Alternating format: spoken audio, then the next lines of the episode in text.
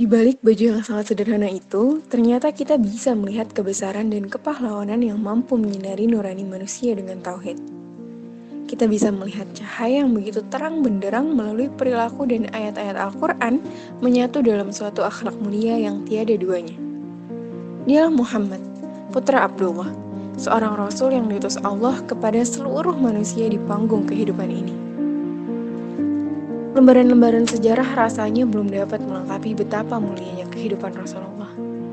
Tak lebih hanya jadi telunjuk yang dengan malu-malu ingin menunjukkan sebagian dari ketinggian dan kebesaran Rasulullah. Apa kiranya yang menyebabkan seorang Umar bin Khattab yang kala itu mencari Nabi Muhammad untuk memenggal kepalanya, seketika berbalik arah, ingin memenggal kepala para musuh Nabi Muhammad dan yang telah menyakitinya.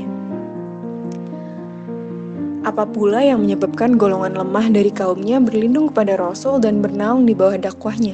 Padahal Nabi Muhammad adalah seorang yang jauh dari harta benda dan sering kali disakiti dan diusir dengan semena-mena di berbagai daerah yang ia pijak. Siapakah gerangan selain Rasulullah yang mampu melakukan itu semua?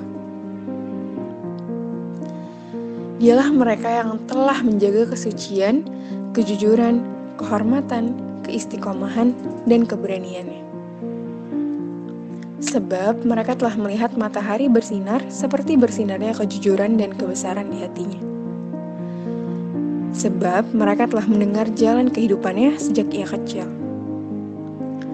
Mereka sungguh mengetahui dan menjadikan perilaku yang ia perbuat sebagai tolak ukur kebenaran, kebaikan, dan keindahan maka tidak ada metode berpikir dan logika apa pun yang dapat digunakan selain mempercayai risalah yang dibawa oleh Rasulullah Shallallahu Alaihi Wasallam.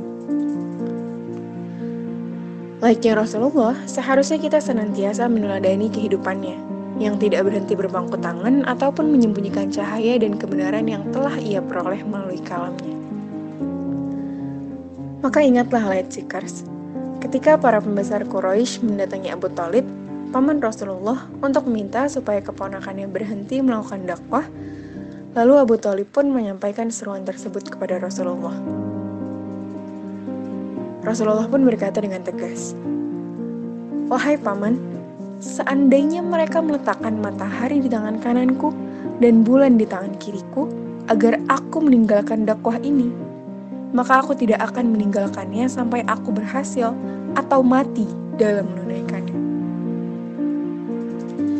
Kisah yang mengagumkan dari seorang manusia ini tidak lain adalah fakta sejarah, bukan cerita bohong, pun dongeng belaka. Maka hendaknya kita bangga dan mengimaninya dalam keimanan kita.